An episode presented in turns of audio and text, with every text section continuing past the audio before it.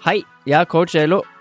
I løpet av mine ti år som coach har jeg vært så heldig å møte mange fascinerende mennesker. Dette er mennesker som er målretta, og som har en spesiell drive for å bli bedre.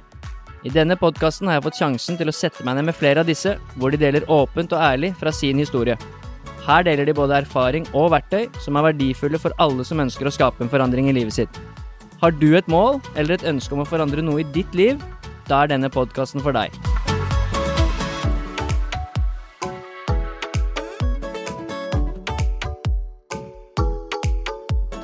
Ny søndag, ny episode og ny crossfitter.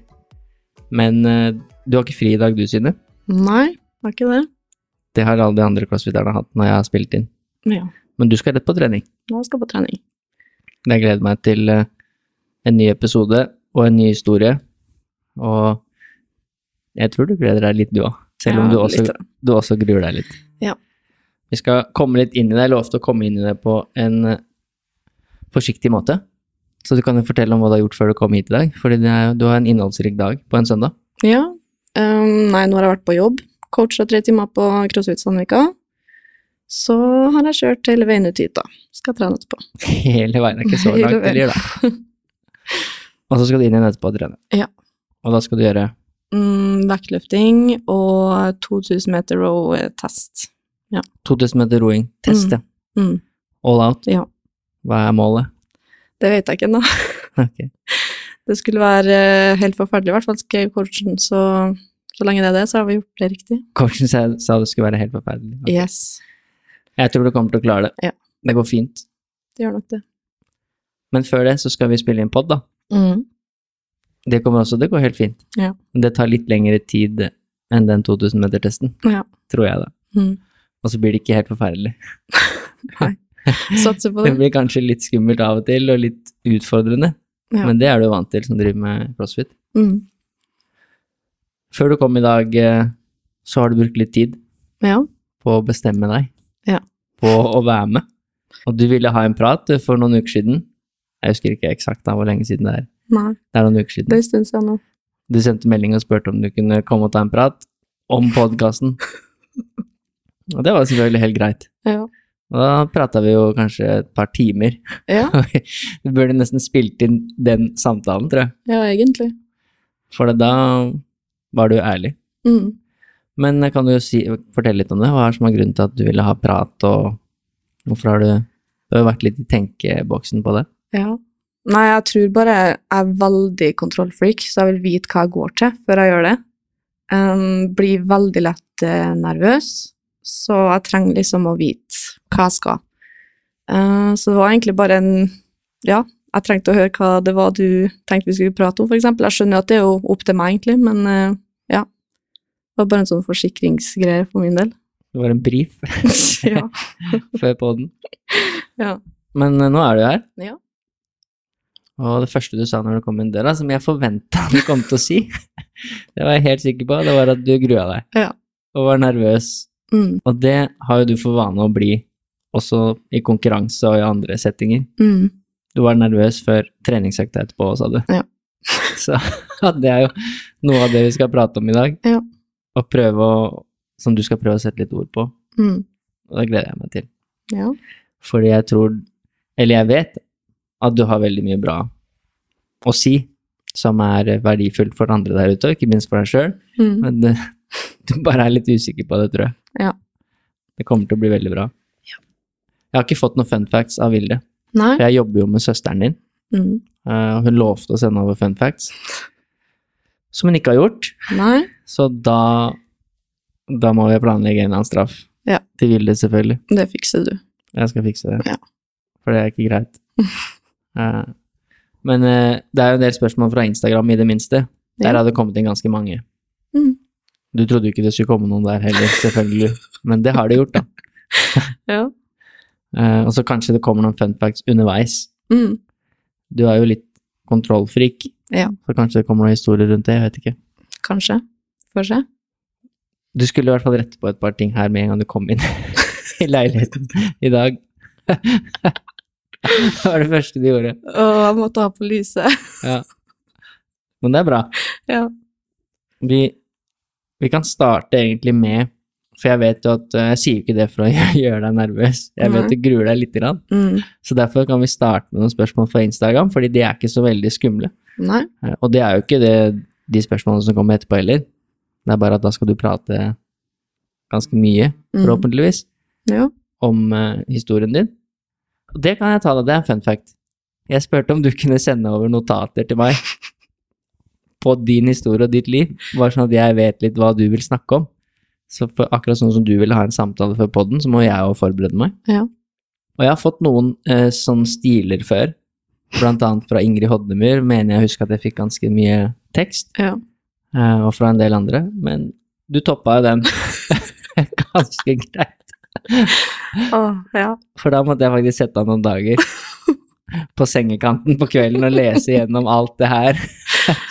Ja. Så det har brukt litt tid på å komme gjennom, ja. men det var bra. Ja kjempegreier. Masse fin tekst, og så har jeg lagd noen stikkord og spørsmål basert på det. Ja. Så jeg gleder meg. Er du klar for noen spørsmål fra Instagram, eller? Ja. Vi starter med noe veldig trygt og fra en du kjenner veldig godt, som heter Ane Randa. Ja. Hun har vært med i poden min, og Mhm. du er på lag med henne i år. Mm. Det skal vi snakke om eh, etterpå. Ja. Team og fire. Og hun spør, og det er jo kanskje en fun fact, hun spør hva er din verste uvane? Um, oi. Det er jo mange sikkert det, men um, det er nok sikkert det å snakke meg sjøl ned, egentlig, som gjør at jeg ofte blir Det er grunnen til at jeg blir nervøs òg. For at uh, ja, jeg går litt ned i kjelleren når jeg gruer meg til ting, så det er kanskje det. Mm. Hva er det du hadde snakka deg ned om før den poden her, da? Uff, nei, det kan jeg ikke begynne å si nå. Ok, Ja. så din verste uvane selvsnakk, da, Ja, på en måte. egentlig. Du snakker deg selv litt ned. Ja. Det skal vi jo prate om i dag. Det gleder jeg meg til. Uh, men dere er jo på lag i år. Mm. Hvordan tenkte du å løse det? Hæ? Hvordan har dere tenkt å løse det hvis du snakker deg selv ned før konkurranse? Må de andre backe deg litt opp, da? Mm, nei, jeg, altså jeg er jo veldig bevisst på det, så jeg prøver jo veldig å gjøre noe med det. For Mm. jeg vet jo at det påvirker meg veldig mye, både liksom på trening og jobb og skole, egentlig. Så eh, det er jo selvfølgelig noe jeg prøver å jobbe med. Eh, så satser på at de slipper å ha den arbeidsoppgaven for ofte. Mm. Ja, det er bra. Ja. Oi, det er enda en. Det er, så, det er ganske mange spørsmål. 23. Mm. Men vi kan ta en fra en annen du kjenner, som heter Lea. Ja, Lea Støren. Hun har forresten gjort det veldig bra i quarterfinals så langt. ja Eller i hvert helt fall sykt bra.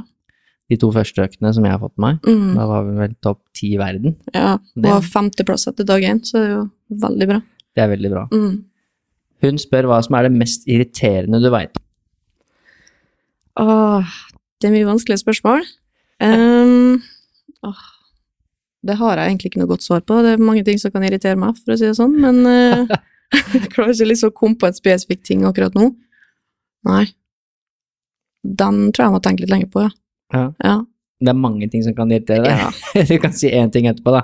Trenger ikke være den som irriterer deg mest, kanskje. Nei. Så det er flere ting. Ja. Blant annet hvis jeg ikke har skrudd på lyset før du kommer. Det irriterer deg Oh yes. lite grann. Ja. Det er en som lurer på, dette vet jeg ikke hvem er, eh, som lurer på når Du skal jo snakke om disse tingene etterpå, men når du begynte med crossfit, og hvorfor du begynte med det. Mm, jeg begynte vel høsten 2016, tror jeg, hjemme i Kristiansund. Um, da var det utetrening, faktisk, på en idrettsbane, som jeg ble med på gjennom ei venninne, og hun som Mari, da, som eier boksen, venninna mi, hun um, var turntreneren min før, så jeg kjente henne lenge, og så var det flere jeg kjente som gikk på crossfiten der, da, så jeg hadde vel trent styrke ganske lenge, og så fant jeg ut at jeg ville gjøre noe nytt, um, og har gått på turning i mange år, skal sikkert snakke om det senere, men eh, ja, så prøvde jeg ut, og ja, likte det fra første stund egentlig, så det ble jeg værende. Så høsten 2016, og ja, ville liksom ha noe som var litt mer likt turninga. Jeg savna det, at, uh, altså allsidigheta, liksom. Så det var vel derfor. Mm. Da passa crossfit, for det er relativt allsidig. Det er relativt allsidig, ja. Og det var i Kristiansund, var det det? Ja. Fordi det er jo der du er fra. Mm. Det hører man jo kanskje. Ja. At det er, eh, det er ganske mange fra Molde og Kristiansund som har vært med i poden nå. Mm. Altså borti der. Ja. Vi har litt dialekt, så det er fint, det. De har også et fotballag som er ok, og jeg kjenner litt folk som spiller der. Mm. Eh, Følger du med på det, eller? Nja, nei. KBK? Det er ikke Jeg har blitt med pappa litt på kamp, men uh, Ja. ikke veldig fotballfan, nei, det kan jeg ikke si. Det er mer crossfit. Ja. Skal vi se. Hvordan klarer du å kombinere studie og trening på så høyt nivå? Mm, ja. Det er jo fortsatt noe jeg syns er vanskelig òg. Det er jo ikke noe oppskrift på det, på en måte, og det jeg tror det kommer veldig an på hvor mye lesing man må gjøre sjøl for at man skal på en måte prestere som man ønsker på skolen, da. Eh, Jeg har alltid vært veldig skippertaksmenneske, fungerer best under press, så jeg er jo på skolen og møter opp på alt jeg skal, og så legger jeg inn støtet veldig tre-fire uker før eksamen, og så leser jeg litt jevnt her og der. Men da blir det jo liksom i litt roligere perioder, så er jeg jo mer på trening, da. Etter liksom undervisning. Det er mange som er skippertaksmennesker. Ja. Jeg tror ikke du er aleine om det. Hva er det du studerer for noe, da? Eh, osteopati på Høgskolen Kristiania. Ja. Mm, Spennende, da. ja, det er det. Hvor lenge har du studert nå?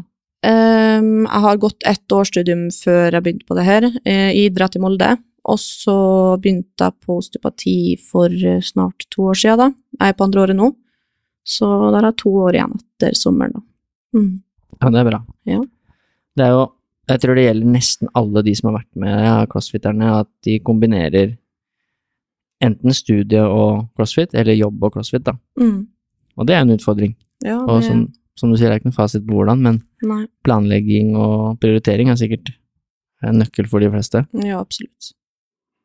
Her er det noen som Og dette vet jeg du skal prate om etterpå, Mm. en god del, Mm. og forhåpentligvis litt mer i dybden. Mm. Eh, Men det er noen som eh, lurer på om du tenker mye på hva du spiser, og kan det hende at du spiser fastfood eller kaker? Ja, i høy grad. um, jeg tenker ikke så mye over det nå. Nå spiser jeg mest for prestasjon og få i meg nok, egentlig. Så ja, spiser mye, det jeg vil, men jeg prøver liksom å holde meg til bra mat på hverdagene, og så kan jeg heller kose meg litt ekstra på helg. Ikke for at det liksom er noe jeg må, men jeg føler meg bedre når jeg gjør det.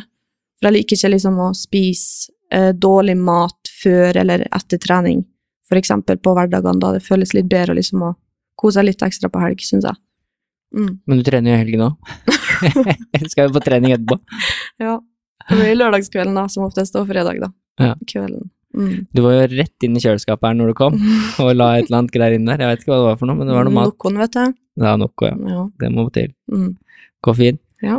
Men det er en liten fun fact, for vi var jo NM, eller vi, sier jeg. Du var med på, jeg var ikke med på NM, jeg var og så på. NM i Skien. Ja. Det var jo sånn, da var det på lag med Ane, og så var vi og spiste sammen. Jeg, jeg husker ikke, jeg tror det var etter dag én, Ja. så spiste vi på sånn street food. Mm. Da spiste du to sånne store gyros. ja, Det var gøy, det var gøy. for den var svær. Ja. Det syns du og Sondre er gøy. Ja. Ja. Så da, det var gøy. Du spiste først den ene, og så Nei, jeg må ha en til. Så gikk du bort, da. Så det var imponerende. Mm. Og det trenger du, da. Ja. For da hadde du konkurrert hele dagen, Ja. og skulle konkurrere dagen etter. Mm. Så fastfood, det veit jeg du kan spise, for det har jeg sett med mine Yes. egne øyne. Yes. Det er veldig bra. Skal vi se her. Å, det er mange spørsmål. Det er flere som går på med kosthold, men det skal du prate om en del etterpå. Ja. Det er en som lurer på hvordan en vanlig dag ser ut for deg. Det spørs litt på undervisning og sånn på skolen, men som oftest så er det mm, skole hver dag. Så da er jeg opp klokka sju, drar inn til skolen, begynner kvart over åtte. Og så som oftest undervisning til halv tre, og så drar jeg rett på trening. Og noen dager så coacher jeg også på hverdager på Sandvika, så det blir liksom i kombinasjon med det. Men som oftest så er det skole på dagtid, og så trening på ettermiddag og kveld, da. Vi kommer helt sikkert litt inn på treningsvolum etterpå, det er jo alltid noen som lurer på. Ja. Og alle crossfittere trener mye, Mm. eh, men litt forskjellige sykluser, faktisk. Mm. Jeg er vant til å ha på torsdager og søndager, fordi da har dere som regel fri eller rolig, men du skal jo trene og ha makstest i dag Ja. på en søndag. Ja. Så det er jo litt forskjellige sykluser på dere. Mm. Eh, vi kan ta to spørsmål til Ja. før vi skal begynne å prate litt mer om deg, og det er Eller det gjør vi hele tiden. Eh, på dager hvor det er litt ekstra vanskelig med motivasjonen eh, for å gå på trening, da, tror jeg det er som er spørsmålet, Ja. hva gjør du da? Eh, jeg tror som oftest så er det på en måte ikke motivasjon som driver meg, for den er ikke der så veldig ofte, egentlig. Det tror jeg ikke den er til så mange. Det er mer disiplin som på en måte kommer inn.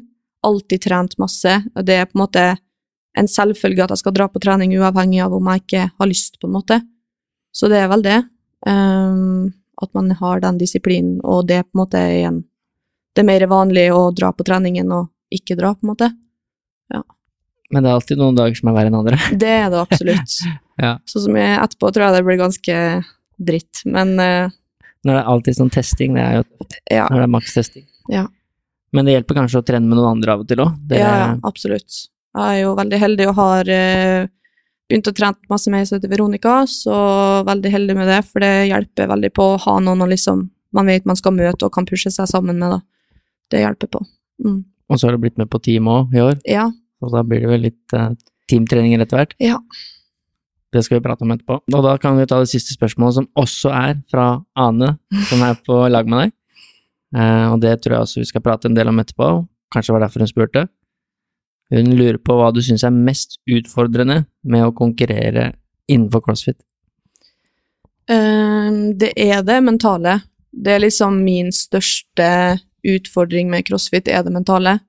Jeg syns det er tøft. Jeg gruer meg masse, ehm, så det krever mye av meg å konkurrere, da. Men det blir jo bedre og bedre. Ehm, så det er derfor jeg fortsetter å utsette meg for det, fordi jeg vil jo at det skal bli mer komfortabel komfortabelt for min del. Selvfølgelig, man er jo alltids nervøs, men jeg lar det kanskje gå litt langt av og til. Men ehm, ja. De gangene i hvert fall jeg har sett deg konkurrere og Mhm. prata med deg før events og etter og sånn, Ja. så er du flink på å grave deg litt ned. ja. Som du sa selv i stad, da. Ja. Du er flink til å si hvilke øvelser som ikke passer, og nei, det her er ikke for meg, og ja. Men så er du egentlig ganske god på mye, da. Ja. Dårlig uvane. Vi skal prate mye om det i dag, Synne, Ja. forhåpentligvis. Ja. Og se hvor mye du orker og klarer å dykke inn i disse tingene her. Mm. For det er viktig, som, som du sier, med det mentale. Det, er, det gjelder alle. Mm. Det er huet som styrer Ja. hva du får til. Det er det absolutt. For det fysiske, der har du stort potensial og er allerede veldig god. Jo. Det har jeg sagt deg mange ganger. Ja. Så det var litt spørsmål fra Instagram, Mm. Og det er en del flere som er innafor liksom noe i samme gate, Mm. eh, som vi kan snakke mer om etterpå. Ja, det er mye av de samme type spørsmålene, da, Mm. som vi kommer inn på, men din historie, den eh, starta jo for lenge siden. Du er blitt 23 år gammel. Mm. Du er fortsatt ganske ung. Ja. Altså, du er ti år yngre enn meg. Føler meg gammel. Men eh, jeg har lagd noen eh, notater, noen stikkord og en liten tidslinje, egentlig, fra den stilen Manuset mitt. manuset du sendte til meg, på sikkert sju sider eller noe. Så eh, du er jo fra Kristiansund, Mm. det sa du i stad. Du er 23 år, eh, du studerer osteopati, Mm. og du jobber som coach på CrossFit Samika, og du konkurrerer i CrossFit. Ja. Det er liksom den du er nå. Yes. Eh, Og du har vel en samboer også, Ja. eh, som også trener litt CrossFit, gjør han ikke? Mm. Ja. Det gjør den. Men for å starte med historien din, så tenker jeg det er bedre å starte fra når du var ung. Ja. Mer konkret, 18 år siden. Da var du fem år, bodde i Kristiansund, Mm. og da har du skrevet at foreldrene dine gikk fra hverandre, Mm. og at det blei mye flytting, og at du har mye søsken. Ja. Så kanskje du kan begynne historien din fra den, rundt den tiden der, da. Ja. Uh, ja, nei, mamma og pappa gikk fra hverandre når jeg var fem år. Husker jo for så vidt ikke så mye av det, men eh, de begge fant seg en ny kjæreste, så pappa er jo sammen med henne den dag i dag, stemora mi. Eh, så de flytta først Eller pappa flytta først hjem til henne, og så endte vi opp med et eh, stort hus som vi har bodd helt siden jeg var hva da, seks-sju. Så der har på en måte vært sånn hjem fast, eh, mens med mamma så har jeg flytta litt mer, da. Eh, så ja, vokste opp med lillesøster og storebror, storesøster, og så har det kommet litt stesøsken etter hvert. Så to stebrødre. Ja. Stor familie. Ja, det er det. Og hun ene søsteren din, hun er lillesøster, Vilde er lillesøster, ja. Yes. Hun er litt yngre. Hun jobber jo på Actic Mm. sammen med meg, Mm. så hun vet jeg jo hvem er. Ja. Hun driver ikke med crossfit, men hun er med på litt timer. Var Ja. med på timen min forrige, forrige fredag, Mm. så nå er hun litt i gang igjen. Yes, det er bra. Og i likhet med deg, så sliter det, du gjør ikke det nå, men hun sliter litt med ryggen. Ja. Som du skal prate om etterpå. Det var derfor hun og ikke trene så mye crossfit. da. Hun gjorde jo det en periode. Syntes Mm. det var veldig gøy, men ryggen eh, sier nei, så da blir det sånn. Skal prøve å finne ut av det nå, skjønte jeg. Det blir bra, det. Mm. Men du skrev her at du Nå fortalte du litt veldig kort, da. Men du skrev også at du hadde et stort konkurranseinstinkt fra du var liten, Mm, og at du egentlig alltid har hatt det. ja. Og at du selv, når du var barn og liten, så, så kan du huske at du var nervøs. ja. Ikke bare for konkurranse, men også for treninger. Mm. Eh, Så kan du kanskje starte med å fortelle litt om hvilke idretter du har drevet med når du begynte med det, for du har jo drevet med veldig mye forskjellig her, Mm. som kanskje er en av grunnene til at du er så allsidig, da. Men eh, hvordan starta det? Du starta i ganske ung alder. Mm. Eh, altså, jeg husker jo ikke akkurat når jeg begynte med turning, men jeg var veldig liten. Det var vel sånn familieturen til å starte med, tror jeg. Sånn lek og sånn. Eh, og så begynte jeg vel på første til andre partiet, og deretter tredje til fjerde, så jeg har liksom vært primært på turning hele tida. Eh, men det var vel i sjette klasse at jeg begynte på troppsturen, da, som var kanskje altså det som la grunnlaget for min del. Ganske utfordrende sport, litt annerledes enn vanlige turninger. Så man jobber liksom to sammen, da, eh, som partnere. Eh, litt vanskelig å forklare for eh, folk som sitter og hører på, men eh, ja. Det er vel der jeg har mesteparten av grunnlaget mitt, og så har jeg alltid på en måte likt å lære ting og utfordre meg sjøl, sånn gå på hendene og flikkflakk og alt det opplegget der, det er liksom Det har jeg vel lært på egen hånd, var veldig mye ute på gresset og turna og sånn da jeg var liten, så ja. Barneskolen, tiendestafetten husker jeg veldig godt, i hvert fall, at jeg var liksom pissnervøs for. Og så sprang jeg liksom i ti sekunder, så var jeg sånn ok, hvorfor ble jeg så sykt stressa for det her? Men det er jo det samme hver gang, da. Det er fortsatt sånn, så ja. Du er fortsatt nervøs. Ja. 20, eller ikke 20, da, 18 år seinere. ja. Så tiendestafetten, ja, det er den første gangen du husker at du var skikkelig nervøs. ja det husker jeg veldig godt, faktisk. Mm. Man er vel ikke så gammel når man er på Tinnstafetten, er man ikke en sånn ni-ti år eller noe sånt? da? Ja, man er ganske liten da, ja. Lurer på om det er sånn femte klasse eller noe. Ja, Ganske ung, i hvert fall. Mm. Men uh, litt uh, morsomt at du husker tilbake så lang tid at du var nervøs, og at du fremdeles kjenner på de samme type følelsene da, når du skal konkurrere. Mm. Det kommer vi jo inn på etterpå. Men i tillegg til turen, da, så, står det jo, så skrev du at du også har drevet med dansing Mm. og svømming, eh, men ikke like mye. Nei. Det er jo ting som vil gjøre deg mer allsidig. Ja, det var en kort karriere, for å si det sånn. Ja. Ikke så veldig flink til å svømme, så det må jobbes med. Det må jobbes med. Ja. Men i hvert fall så har du drevet med idrett helt siden du var liten, da. Ja. Og i tillegg øvd mye alene. Mm. Det er jo også ganske viktig i crossfit å øve, Mm. vil jeg si. Ja, absolutt. Men eh, veien videre, da? For vi skal prate mest om liksom når, når du blir litt eldre her, det er da de spennende punktene kommer. Mm. Selv om det er spennende det her også, men det er litt mer bare en sånn bakgrunn for deg, da. Ja. Det står jo at du slutta med turn etter hvert. Mm. Du kan jo fortelle hvorfor du gjorde det, og Ja. så begynte du med noe løping etter det. Ja. Nei, så gikk jo på da troppsturen, eh, og det er jo som sagt hvor man jobber to og to sammen som partnere, egentlig, eh, og man bygger jo opp en tillit mellom hverandre, og eh, hva skal jeg si, alle triksene som man skal klare, da, tar veldig lang tid å lære seg. Eh, så det var vel det at min da eh, partner skulle slutte, eller noe, jeg husker ikke helt eh, greia rundt det, men da måtte i hvert fall jeg finne meg en ny en, og da kjente jeg bare at jeg orka ikke å starte helt på nytt igjen, for det var en så lang eh, reise, skulle jeg hatt å si. Um, så da endte jeg opp med å slutte på turning. Og så begynte jeg vel, ja, mye med løping og sånn, egentlig, ble veldig glad i det. Men fikk etter hvert mye skader, sånn beinhinnebetennelse og sånne ting. Sprang veldig mye på asfalt, så det var jo ikke helt gunstig. Um, ja, og da gikk jeg over til mye styrketrening etter det og bli veldig fort eh, Bygge fort styrke hvis jeg virkelig går inn for det. Og det gjorde jeg jo, men da begynte jeg liksom å føle på at jeg Jeg følte meg ikke så allsidig lenger. Jeg følte meg liksom ikke som meg sjøl, på en måte, for jeg var vant til å liksom ha den allsidigheten fra turning. eh, og løping, for så vidt. Em, så det var veldig gøy liksom på trening å føle seg sterk og sånn, men jeg følte meg på en måte eh, veldig litt allsidig ellers. Så det liksom jeg triv, trivdes ikke så godt med det, da. Så det var da liksom fant crossfit etter det. Og crossfit skal vi prate mye om Oh yes. i dag. Ja. Eh, både mål og setninger og Mm. konkurranse og det mentale rundt crossfit. Mange ting. Men det mest interessante syns jeg her kommer nå. Ja. Så får vi se hvor mye du eh, klarer å sette ord på det, og orker å sette ord på det. ja.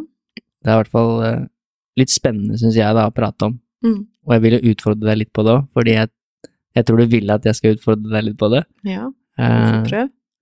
dette er jo en av Dette er jo litt starten på din mentale reise eller det er ikke starten, men eh, du sa jo det at det med podden også blir liksom første gang du skal dele og begynne å prate litt kanskje rundt sånne ting, da. Mm. Uh, og det er jo veldig tøft, Ja. og en fin måte å på en måte begynne å reflektere litt mer rundt, da. De tankene man sitter inne med.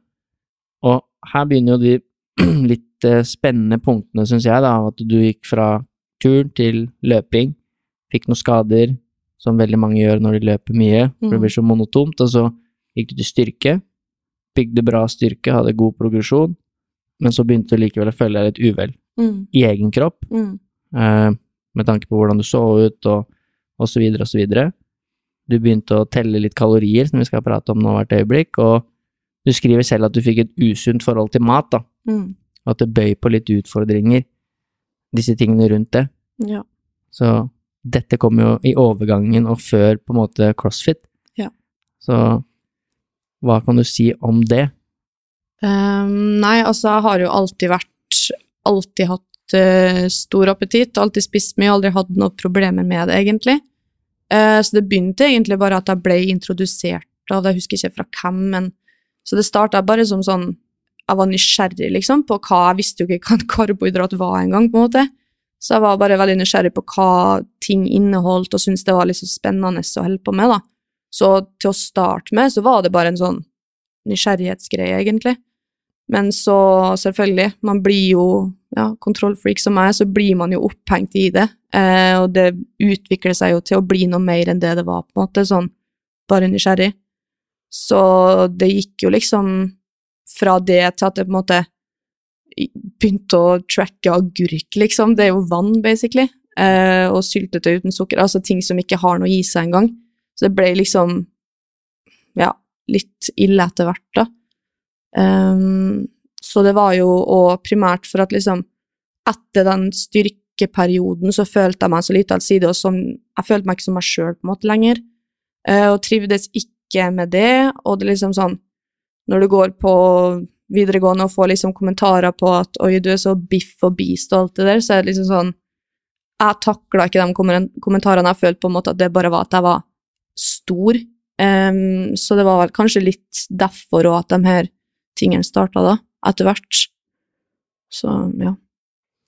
Men hva er det For det er alltid sånn, sånn verden er, med kommentarer, og Mm. det kan jo utløse mye for mange. Ja. Det er ikke sikkert de mente noe vondt med det. det mest Nei, det er jo det de ikke gjør, det Mm. vet jo jeg òg, men det er på en måte den rasjonelle sida av det, skjønner jo det, men så er det på en måte ikke noe gøy å høre det likevel, for du på en måte forbinder det med noe negativt, selv om du skjønner at de ikke mener det negativt, liksom.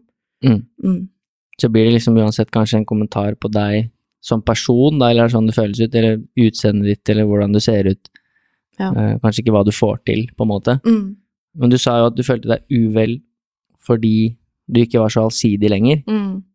Kan du si noe mer om det? Er det på en måte bare at du faktisk ikke følte du fikk til like mye med kroppen din som når du turna, eller har det også noe med andre ting å gjøre, som for eksempel disse kommentarene, da, med hvordan du så ut og Ja, altså mye Mye hadde jo liksom med den selvfølelsen og at jeg ikke følte meg som meg sjøl, liksom. Men det var jo det at jeg følte meg tung. Jeg gikk opp i vekt, jeg ble større, jeg ble sterkere, liksom, men jeg bare trivdes ikke som med det. Så det var primært det. Mm. Ja. De kommentarene hjalp jo ikke på, selvfølgelig. Nei. ja. Og så begynte du jo, som du sa, av nysgjerrighet, da, Mm. å tracke kalorier og skrive ned hva du spiste. Og det kan jo være veldig mange bra ting med å gjøre det, Mm. Uh, men som du sier, det kan jo òg utvikle seg Ja. i gæren retning, Mm. Og kanskje spesielt hvis man er litt sånn uh, kontrollfreak, som du selv beskriver deg som, da. Mm. Eh, det skal vi snakke litt om etterpå. Jeg har i hvert fall noen spørsmål rundt det. Ja. Men Lea også, Støren, er jo litt kontrollfreak, Ja. kan vi si. Og hun prater jo også om det i sin episode. Mm. Eh, litt fra når hun var yngre, men også nå at hun fortsatt kan kjenne på det, Mm. og liker å ha kontroll på ting. Og jobbe med å ikke alltid kunne ha kontrollen. Ja. Det tenkte jeg vi skulle prate litt med etterpå, men hvordan er det du utvikla det usunne forholdet til mat, da? Hvis vi snakker om det, eh, når du begynte å tracke og tracka agurk og hva det enn måtte være du tracka. Ja. Eh, Um, nei, det var jo liksom det at For det her fortsatte jo når jeg begynte med crossfit. Det var Mm. liksom Jeg begynte med det under styrketreninga, og så fant jeg crossfit, og da var jeg i hvert fall livredd for å bli stor, på en måte. Det var liksom det som gikk igjen, at jeg var redd for å bli stor. Eh, fordi det er jo veldig lett å tenke at når du trener styrke, så blir du stor, men eh, jeg vet jo, eller alle vet jo at det ikke er sånn, eller ikke alle, men ja, at det ikke er sånn her lenger nå. Ehm, det er liksom mer normalt og akseptert, føler jeg, når jeg liksom var på det stadiet, da. I hvert fall sånn, jeg følte meg veldig alene om det, kanskje, og sånn blant min vennegjeng og sånn i Kristiansund, at jeg følte meg veldig alene om å på en måte ha muskler, være, følt meg liksom litt annerledes, da, at jeg ikke passa helt inn, kanskje. Um, så eh, nå har jeg helt datt ut av hva jeg skal si, faktisk. Snakka meg bak. det er fort gjort. Ja. Men jeg er så heldig at jeg kan dra deg inn igjen, da. ja, det er helt nydelig. Men det var mat, da. Men før det, det var mat vi skulle snakke om. Mm, Det usunne forholdet til mat, da. mm, Som jeg Som du gjerne kan prøve å beskrive, da. ja. Hvordan, hvordan det var. Men jeg kommer jo på disse tingene helt sånn det bare dukker opp, fordi jeg har hatt Mhm. så mye samtaler. Mm, Uh, og Ingrid var jo med i min episode, og hun pratet om disse tingene. Uh, og hun pratet veldig mye om akkurat det der med å føle seg stor, mm, som hun beskrev fra sin tid når hun spilte håndball, og at hun alltid på en måte har følt seg stor og høy og muskuløs, da. mm, Og klarte å vri det om til en sånn negativ greie, ja. Uh, når det egentlig bare er positivt for den posisjonen hun hadde, og det hun egentlig dreiv med, da. Mm, Og ja, du har jo hørt episoden hennes, men mm, jeg syns det er interessant med liksom hvordan, hvorfor man begynner med disse tingene i sitt eget hode, ja. og vri det om til noe negativt. Om det er Mm. kommentarer som utløser det, eller om det er andre ting, men det er i hvert fall interessant å prate om. Mm, Du er jo ikke en stor jente, og om du hadde vært det, så hadde ikke det vært eh, et problem i det hele tatt. nei. Men jeg syns det er interessant å prøve å høre folk eh, rasjonalisere rundt det, da. Mm, Men uansett, tilbake til det med mat, da. ja. Nei, det ble jo liksom bare en sånn et kontrollbehov jeg fikk, fordi jeg ble liksom eh, Jeg var vant til å ha kontroll på akkurat hva jeg fikk i meg, og hvor mye, så jeg ble litt sånn obsessed med det, egentlig, at jeg måtte ha den kontrollen, for hvis ikke så ble det helt kaos for min del. Ehm, så det utvikla seg jo liksom til at jeg ikke Jeg sleit med å dra på sosiale ting hvor det var mat i bildet, fordi da visste jeg ikke, liksom, da kunne jeg ikke kontrollere hvor mye det var i det, og få sjekka det på den appen min, liksom. Og når jeg ikke gjorde det, så mista jeg kontrollen, og da tenkte jeg bare ja, ja, ok, men da, da kan jeg bare kjøre på, liksom. Eh, og da spiste jeg jo sinnssykt mye igjen, fordi jeg mista kontrollen, og da sånn på grensa til at jeg holdt på å kaste opp, liksom, for jeg ble så sjukt mett. Så det var liksom det som skjedde når jeg ikke hadde kontroll, at da klarte jeg ikke å ha kontrollen, og da liksom bare gikk det helt over stokk og stein, på en måte. Så det var jo òg det jeg var redd for at skulle skje hvis jeg ikke fikk tracka alt, da, hele tida, liksom. Mm. Mm. Og så fant du jo crossfit i den overgangen der, Ja. Uh, og du begynte jo med crossfit etter styrketreninga, på en måte. Ja. Uh, og da begynte du å trene mer, og du begynte å trene mer intensivt. Mm. Dette er veldig vanlig for mange som begynner med crossfit. Eh, Crossfit er jo mye volum og mye intensitet, de kan være i hvert fall, i hvert fall hvis man vil konkurrere og sånn. Men så fortsatte jo dette med spisinga og maten, selv om du økte treningsmengden din ganske mye, da. Så her står det jo eh, lite mat, eh, mye trening. Mm. Eh, long story short. Ja. Men du må gjerne prøve å ta den lange historien rundt det. Um, ja, jeg vet ikke om det er så lang historie rundt det, men det, var, det går jo liksom litt på det samme som dere har sagt nå, at liksom det ble bare en sånn ting jeg måtte ha kontroll på, og så var jeg satt vel de kommentarene veldig igjen i meg, de liksom Oi, du ser biff ut, liksom, eller du er based. Jeg bare takla ikke de ordene. Så jeg var så redd for å høre dem igjen, på en måte, så jeg liksom Når jeg spiste lite og trente masse crossfit om høy intensitet, så ble jeg jo bare mer og mer allsidig og slank, men ikke på en bra måte, selvfølgelig. Men øh, ja, så Når er det du klarte å ta tak i det, da?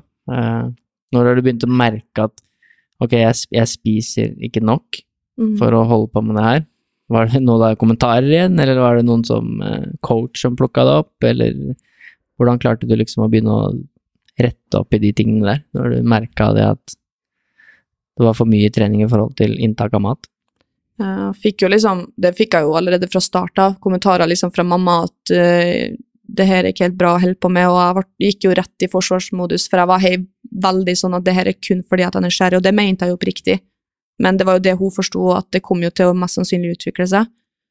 Um, og så var det vel en lærer faktisk på videregående som plukka det opp når vi hadde matlaging, for jeg spurte om vi kunne bruke lettmelk istedenfor helmelk, eksempel, i det vi laga.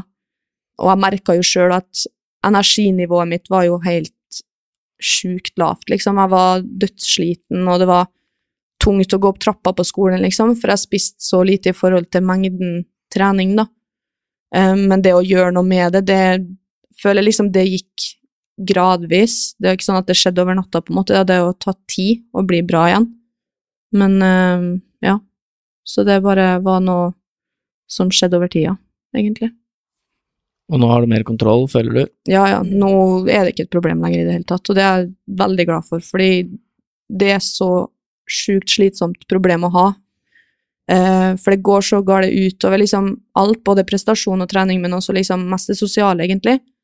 Fordi man Mat og sosialt er liksom ofte to ting som går hånd i hånd, liksom, så når du på en måte er redd for hva du skal spise eller ikke har kontroll på det, så blir det et stort problem å være sosial òg. Eh, så det er veldig Ja, det er ikke noe jeg unner noen, liksom. Og så var du inne på det i stad, at du liker å ha kontroll. Ja. Eh, det har du nevnt opptil flere ganger. Ja.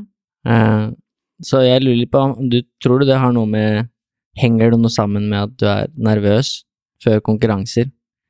Det at du liker å ha så mye kontroll på ting? Eh, for du forklarer jo at du blir litt sånn satt ut når du ikke har kontroll. Mm. Og i CrossFit, da, så du kan ikke ha kontroll på alt. Nei. Eh, på hva som kommer og hvilke øvelser og event. Så ofte så vet man jo ikke, kanskje før rett før man skal. Mm. Eh, tror du det henger noe sammen? Ja, jeg tror bare liksom jeg er redd for å gjøre noe feil, eller å dumme meg ut, eller ikke prestere sånn som jeg forventer av meg sjøl, på en måte. Så derfor så gjør jeg alt jeg kan for å kunne ha kontroll på ting. Eh, og det går jo igjen på veldig mange ting, sånn i hvert fall spesielt sånn når jeg skulle coach, eller coache da, på Sandvika. I starten så er jeg liksom helt sånn møtt opp en halvtime før timen for at jeg skulle nipugge liksom hele oppvarmingsopplegget og liksom vite at jeg huska alt til punkt og prikke, liksom. Eh, men det har heldigvis det har blitt bedre. Jeg merker liksom at jeg klarer å slippe kontrollen mer og mer. Så det er jo liksom mye av grunnen til at jeg er her i dag òg, på en måte, for at jeg vil utfordre meg sjøl på det. Mm. Jeg vet det. Det er derfor jeg prøver å stille deg litt spørsmål som, hvor du må reflektere litt og tenke litt, da. Mm. Eh, fordi ofte har man jo svarene selv. Mm. Det er bare ikke alltid man kan Man ser dem, da. Eller Mm. klarer å få dem tilgjengelig. For det er jo det jeg merka, som jeg sa i stad, når jeg har vært rundt deg når du har konkurrert, for det har jeg vært litt på grunn av Team Actic og det siste året, da. Eh, Både større og mindre konkurranser. Og da er du ofte flink til, som vi nevnte, da, å, å nevne alle de tingene som du ikke er god på, og alle de tingene som da ikke passer. Men jeg tror det er en vanlig strategi for veldig mange, og ikke nødvendigvis bare innenfor idrett, men prestasjon, da, generelt Mm. typisk de som sier før eksamen at nei, jeg har ikke pugga noen ting og kommer sikkert til å gå dårlig, Ja. og så får de A eller B. Ja. Og det er sånn eh, som jeg i mine yngre dager alltid ble irritert på, da. Folk Ja. som, for det er sånn unnskyldningsmekanisme. Mm. Som det bare sånn tilfelle går dårlig, så har jeg liksom allerede gjort eh, klar grunnen, da, til hvorfor det gikk dårlig. Mm. Uh, Istedenfor å heller stole på at ja, men jeg er klar. Jeg har gjort det jeg skal av forberedelser, så det, det skal gå fint. Hva tenker du rundt det nå kontra ett år siden, da? For du sier jo at det har blitt bedre. Mm. Og du har hatt noen gode resultater i konkurranser nå siste halvåret, si da. Mm. Ja, det er jo liksom Selvfølgelig, når du får gode opplevelser i konkurranse, selv om du har vært liksom så sykt sikker på at det kommer til å gå dårlig, så gir det jo selvfølgelig en god følelse etterpå, og det vil jo på en måte Du utvikler deg jo på grunn av det. Det er jo fordi jeg har utsatt meg for det, eh, og det har gått mye bedre enn forventa eh, de siste gangene, på en måte. Mm. Så det vil jo gi en god følelse etterpå, og mestring, som gjør at det er lettere å liksom gå tilbake til det. Mm.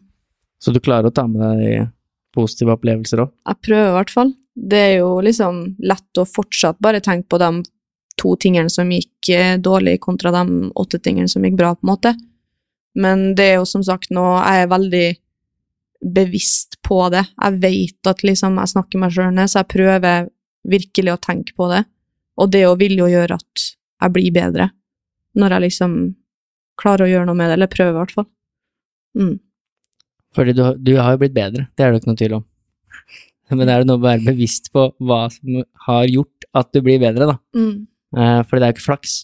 Nei. Det er ikke sånn at det bare Oi, nå hadde jeg plutselig flaks i en konkurranse og gjorde det bra. Eh, det er fint, da går jeg videre, liksom. Mm. Fordi det er, jo, det er jo noe du har gjort, enten om det er i trening eller at du har forberedt annerledes. Det er jo ikke sånn at du bare plutselig går ut i en CrossFit-konkurranse og har flaks og gjør det bra. Nei. Det er veldig vanskelig. Kan selvfølgelig sikkert være heldig med å få noen øvelser som passer bra for deg og du, dine styrker, da. Mm. Men stort sett er det jo veldig allsidig, så du, du blir utfordra på det meste, da. Mm. Uh, det er det jeg syns er litt gøy å prate med rundt. Ikke bare crossfit-utøvere, men idrettsutøvere generelt. Mm. De er flinke til å pirke på de tingene de ikke er noe gode på, Ja. og det er veldig fint, det må man jo, for å liksom utvikle seg på de svake områdene. Eh, men så er det veldig mange som når de er gode, så klarer de ikke alltid å gjenskape det neste gang, og så tror jeg, noe av det, i hvert fall min erfaring, at de ikke De har ikke reflektert rundt hvorfor var jeg god. Mm. Hva er grunnen til at jeg var god i den konkurransen her? Er det forberedelser, er det søvn, er det mat, er det Det er i hvert fall ikke flaks. Nei, det er jo ikke det. Det kan jeg garantere at det ikke er. Mm. Så det er det jeg vil utfordre deg litt på, da. Fordi det ene eksempelet er jo fra Oslo Throwdown, hvor du gjorde det veldig bra. Det var i fjor, Mm. eh, oktober, november eller et eller annet sånt. Mm. Det er en stor konkurranse, veldig mange gode utøvere som var med. Jeg husker ikke om du ble nummer tre eller fire eller fem, eller det var, Ah, jeg tror det var sju. Ja. Jeg tror det. det var oppi der i hvert fall. Ja. Uh, og da husker jeg du var veldig fornøyd etterpå. Ja. Men du gravde deg litt ned før, i ja. forkant av den konkurransen. ja, jeg grudde meg helt sykt til den. Det var sånn, jeg var veldig nær å trekke meg. For jeg Mm. grudde meg så sjukt mye, liksom. Men jeg er veldig glad for at jeg gjorde det, for det ble jo ei sykt bra helg. Det var veldig gøy konkurranse også, så ja, angrer ikke på det. Og hva tror du er grunnen til at du blir så nervøs, da? Til og med så mye at du vurderer å trekke deg. Jeg vet ikke. Det er liksom Jeg har ikke noe godt svar på det sjøl. Jeg tror det er liksom mange ting. Men blant annet liksom at jeg er redd for å skuffe meg sjøl på prestasjonen, liksom. At jeg er redd for å gjøre det dårlig, redd for å jeg vet ikke, Dumme seg ut blir jo teit å si, men sånn Nei, jeg vet ikke. Redd for å ikke nå opp til mine egne krav, på en måte. Mm. Redd for å feile. Ja. Hva er liksom Hva er konsekvensen av det? Hva hvis du feiler? Hva skjer da? Nei, det er jo akkurat det, for jeg har jo en veldig rasjonell side her. Jeg vet jo Mm. at det er ingenting farlig som skjer da, på en måte. Mm. Og det er jo det veldig mange rundt meg prøver å liksom minne meg på, at liksom Det går bra om det ikke går bra, liksom. Men eh, så liksom å få den urasjonelle sida til å forstå det òg, da, på en måte. Ja. Prater du noen gang sammen med den rasjonelle og urasjonelle siden? Ja. ja. Det blir sikkert verre akkurat rett før konkurranse, Mm. men gjør du det etterpå, for eksempel? Etter en konkurranse, eller når det ting kanskje er litt roligere? Ikke sånn fem minutter før du skal ut og konkurrere, da. Da er det vanskeligere. Ja, nei, jeg gjør vel egentlig ikke det. Det er sånn når det har gått bra, så er jeg bare drithappy, og så tenker jeg sånn mer på det, på en måte. Mm. Vet ikke. Så det er jo òg noe jeg har lyst til å jobbe med, at jeg på en måte Det har jeg lest i Kristin Holtes i bok, i hvert fall. At liksom skriv denne tre mål, på en måte, for dagen, og liksom eh, Hva var bra, og hva kunne ha gått bedre? Liksom gå begge veiene, da. Eh, så det tror jeg er veldig nyttig å gjøre. Må bare bli flinkere på å faktisk gjøre det, liksom. Og gå, ikke bare tenke på det som gikk dårlig, men det som gikk bra òg. Tror det er en fordel. Det er nok en stor fordel. Kristin Holte brukte jo mentaltrener hele karrieren sin. Mm. I, det var nesten ti år. Åtte, ni, ti år nesten. Uh, det er sikkert en grunn til det. Og det prater hun jo mye om i poden min også. Mm. Uh, men det er litt sånn rart det der. Det er en terskel, det også, å be om hjelp for huet. Mm. Jeg snakket med Veslebø om det senest for et par uker siden. Men det er lurt. Dere er jo så gode på å be om hjelp og alt mulig annet. Mm. Alle andre ting dere skal bli gode på i CrossFit. Og du sa det selv, din største utfordring, det er det mentale. Mm. Så nå er du jo litt i gang, da. Ja. Må prøve å sette ord på det sjøl. Ja. Eh, tror det er veldig lurt, for det er det som var mitt inntrykk, da. var derfor jeg spurte deg om det, at når ting går bra, Mm. som det veldig ofte gjør, fordi du er god, Mm. så går det som regel ganske bra. Mm. Så, så på en måte reflekterer du ikke så mye rundt liksom, hva var det som var bra. Nei. Det er som du sier, du blir bare happy, og så Det var fint, og så går du videre. og så er du like nervøs igjen neste gang, og så Ja. Da får du liksom ikke med deg de konkrete verktøyene, da, Nei. som du kan ta opp igjen seinere, når du blir nervøs, for det blir jo du mest sannsynlig da neste konkurranse igjen. Mm. Ja. Det er mitt inntrykk av deg, i hvert fall. ja. I de. Fire-fem konkurransene jeg har sett deg i, Ja. og alle de har egentlig gått ganske bra. Mm. Både NM og den lille konkurransen du var med på hos oss, Ja. og Oslo og Mm. Jeg eh, kommer til å fortsette å pushe deg litt mer på en del ting, da. Ja. Fordi du sendte jo Vi skal prate om crossfit-karrieren din litt etterpå. Litt mer sånn at du Du begynte å satse litt, og du ansatte Mathilde som coach. Jeg vil tro det er Mathilde Garnes du mener, jeg vet ikke. Eh, og litt sånn at du skada deg. Det er en del av reisen til mange. Du fikk et tretthetsbrudd. Kan være mange grunner til det, eh, og så videre. Mm. Og team av fire som du satser på i år. Mm. Men før det så må vi snakke litt om de tingene du sendte til meg, som vi allerede har vært inne på. Mm. Og det vet jeg er det som blir mest utfordrende for deg å sette ord på. Men det er litt derfor, som du sa, du er med på det nå. Mm. Eh, og du sendte helt på slutten, så skrev du For jeg leste jo stilen din, og så tenkte jeg sånn, her er det masse bra, men du unnviker jo mange av de tingene som du burde snakke om. Eh, men helt på slutten så skrev du en liste, og da ble jeg glad på den syvende eller åttende siden. Så sto det 'Disse tingene sliter jeg med', og så var det sånn punkter, og det var helt på slutten. Ja. Og det syns jeg egentlig var veldig bra, for da åpner det i hvert fall opp for at kanskje vi skal snakke litt om det. Mm. Og da skrev du 'disse tingene sliter jeg med', og så skrev du selvtillit, selvfølelse, selvsnakk eh, og troa på meg sjøl. Mm. Disse tingene går litt i hverandre, da. Eh, og så skrev du at det gjør jeg egentlig på alle områder i livet. Skole, trening, jobb og sosialt. Mm. Og dette er jo store ting. Ja. Og vi snakket litt om det også på den samtalen vi hadde før podden, Mm. når vi prata et par timer, som jeg syns var interessant. Ja. Eh, hvor du konkluderte litt med at ja, men jeg har egentlig ikke jobbet så mye med det her, kanskje jeg burde begynne å gjøre det. Mm. Men eh, hvor skal vi begynne med det her, siden å prate om disse tingene? Eh, Jeg vet ikke. det at du sliter med disse tingene. Alle tingene går jo på, på deg. Mm. Selvtillit, selvfølelse, Mm. eh, selvsnakk.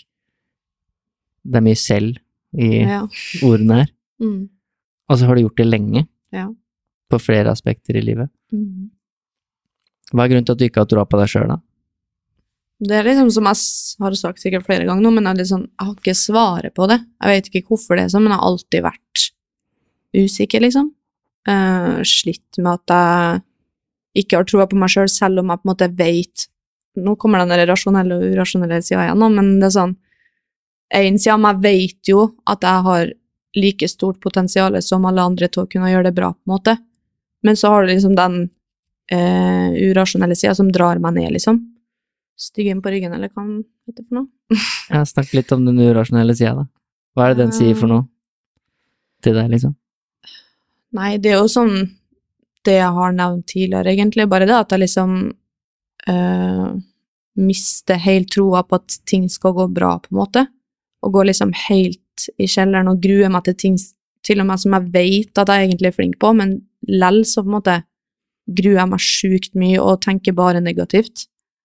Eh, men som sagt, det blir jo bedre, fordi jeg liksom er så klar over det sjøl at det er et problem. Men ja, det går jo liksom i de tingene der, da. Som det sikkert gjør til mange andre òg. Definitivt gjør til mange Mm. andre, så Mm. det er ikke noe farlig å snakke om det. Nei. Alle mennesker går gjennom det. Usikkerhet Ja. på et eller annet tidspunkt i livet, eller flere tidspunkter. Det går opp og ned. Det er helt normalt, og spesielt når man skal prestere på høyt nivå, så er det jo en ekstra en del ting som ofte slår inn, da. Mm. Men uh, du skriver jo også at det her ikke bare gjelder crossfit, det gjelder jo skole, jobb og sosialt også. Mm. Så det er jo mange aspekter i livet ditt. Store ting, da. Ja. Nei, jeg hadde jo liksom eksamen nå på tirsdag.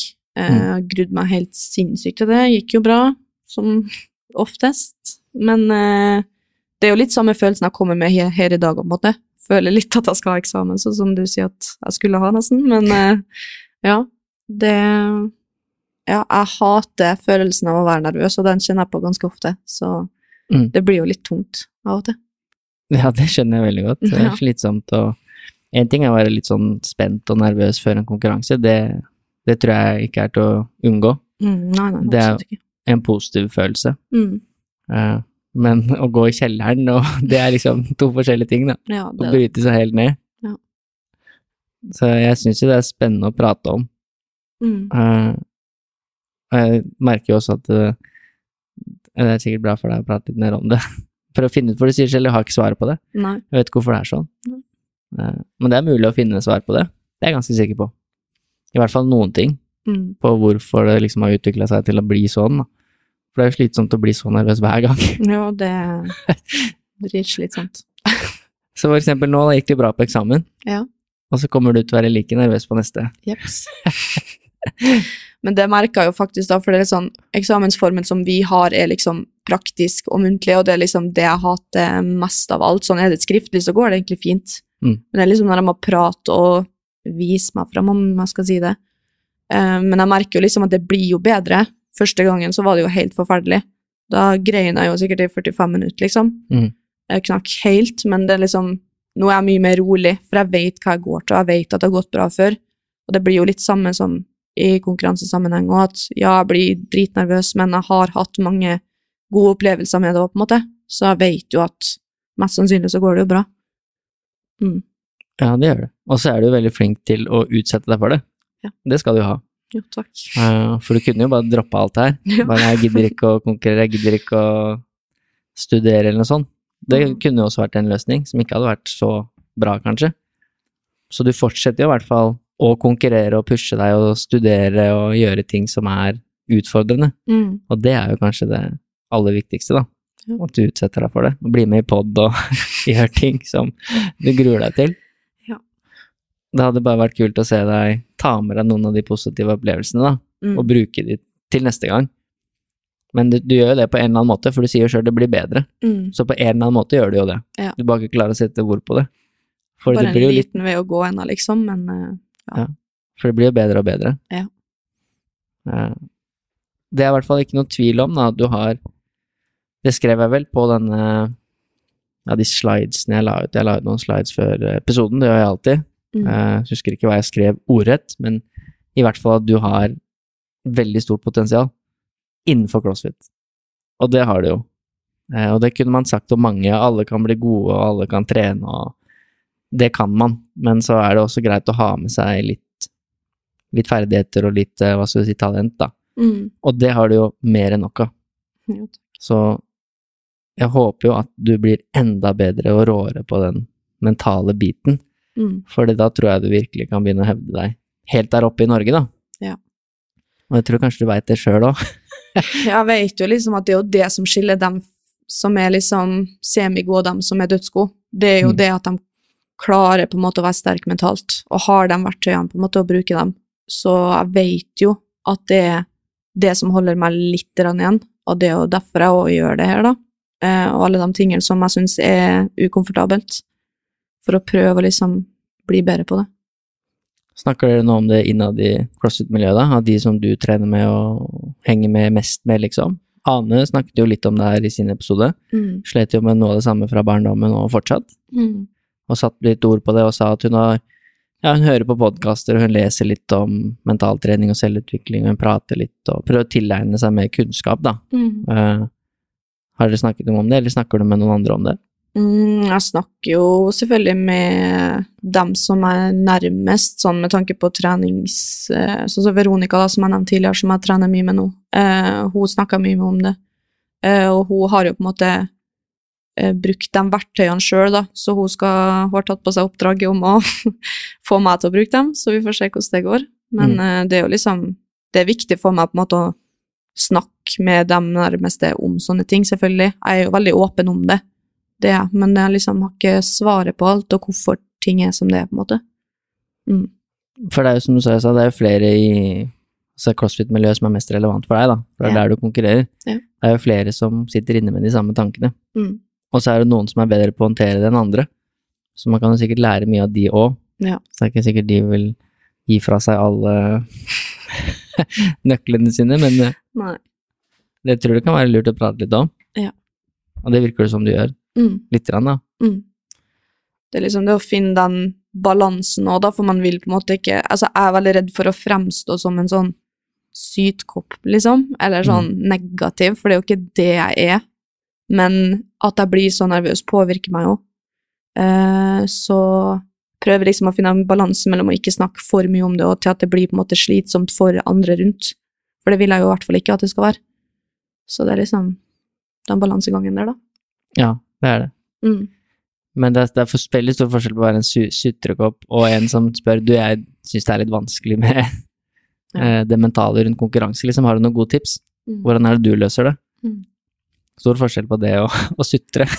Ja, det er jo for så vidt det. Satt på spissen. Ja. Ja. Men jeg skjønner hva du mener. Det er alltid en utfordring å, å be om hjelp. Og, å si at man syns noe er vanskelig, da. Det er jo en utfordring for de fleste. Mm. Hva er det Synne, din navnbror eller navnsøster, sa til deg før du skulle i podden i dag? Hun hadde sagt et eller annet om at det er ikke så skummelt, ja. eller det er ikke så farlig. Nei, jeg møtte på Synne på trening i sted, og da sa jeg bare at jeg skulle på pod, og var bare dritnervøs. Selvfølgelig. eh, så sa hun liksom 'hvorfor det?' Og jeg bare 'nei, jeg er nå bare det', da. og så sa hun 'ja, du skal jo bare prate', så jeg bare 'ja, det er mer enn nok for min del'. Men eh, Det kan være skummelt, det. ja. I hvert fall hvis du skal prøve å besøke litt ting der inne som uh, er litt utfordrende å sette ord på, da. Mm. Uh, det er uh, Men det er en start. ja. Det er en veldig god start. Ja. Det var litt kjedelig at ikke du var med på Future Games. Ja, Det har jeg sagt til deg før, det skulle jeg gjerne vært med på. for der hadde du gjort det bra. Mm. Da var det en tur til Polen, Det var litt andre ting. ja. Og sånn er livet. Det kan ikke alltid passe, da. Nei. Men for å gå litt tilbake igjen, da, i historien din, hvor du begynte med crossfit, Mm. var litt styrete med mat og tracking og høyt treningsvolum og sånne ting, Mm. men så valgte du å ansette en coach etter hvert, for å få litt mer eh, sikkert kontroll igjen på ting. og det var jo Mathilde Ja. Garnes, hun er en av de beste crossfitterne i Norge nå. Ja. Fortell litt om den reisen der, fra helt i starten av din crossfit-karriere. Mm. Um, nei, altså, jeg har alltid trent masse, som jeg sa i sted, og alltid vært glad i trening. Og så syns jeg at det er liksom så sosialt at treninga har vært mye av det for meg òg, ikke bare liksom at jeg skal prestere. Så i starten av crossfit så var det egentlig bare veldig gøy. Jeg elska å lære nye ting, og jeg syns det var liksom bare morsomt, liksom, å være sosial og alt rundt det som crossfit har å tilby, egentlig. Men så prøvde jeg jo, var det vel Nordtreff NM-kvalik i 2019, som jeg ble med på, da, bare for eh, gøy, selvfølgelig, og jeg hadde jo ingen forventning om at det skulle gå. Uh, men så Jeg tror jeg fikk 48. plass eller noe på kvalifiseringa, Uh, så jeg var jo åtte plasser unna kvalle, men så er det jo som oftest ganske mange som ikke kan av skade eller trekke seg. Så da fikk jeg jo plass. Uh, ble jo helt sjokkert over det, selvfølgelig. Ehm, så det jo var en prosess. Det var sånn, Jeg hadde jo ikke lyst til å dra i det hele tatt, jeg syntes jo det var dritskummelt. Men jeg endte, med, endte opp med å gjøre det. Um, veldig glad for det. Uh, og det var etter det jeg fant ut at ok, nå må jeg liksom få litt struktur på ting hvis jeg faktisk skal bli bedre enn det jeg var liksom da. Uh, så det var da så kjente jeg vel Mathilde litt fra før av, gjennom ei venninne hjemme i Kristiansund som bodde med henne i Trondheim, da. Så det var sånn det starta. Så fikk jeg Mathilde som coach, og derifra gikk det vel bare oppover, egentlig, nesten. Ja. Mm. Før det gikk litt nedover igjen. Yes. Det er jo en idrettskarriere i et nøtteskall. Yep. Opp og ned. Mm. Eh, For i likhet med en del andre, så fikk du jo en skade Mm. som satte deg tilbake igjen ganske mye. Mm. Jeg, jeg, jeg husker ikke eksakt når den kom, etter at dette med at du fikk Mathilde som coach og begynte å prestere bedre og kvala til NM og sånn. Mm. Eh, Men du fikk et tretthetsbrudd i ryggen i hvert fall. Ja. Og det kan jo potensielt eh, ta litt tid, Mm. og det gjorde du jo også, men fortell litt rundt om det, da. Ja.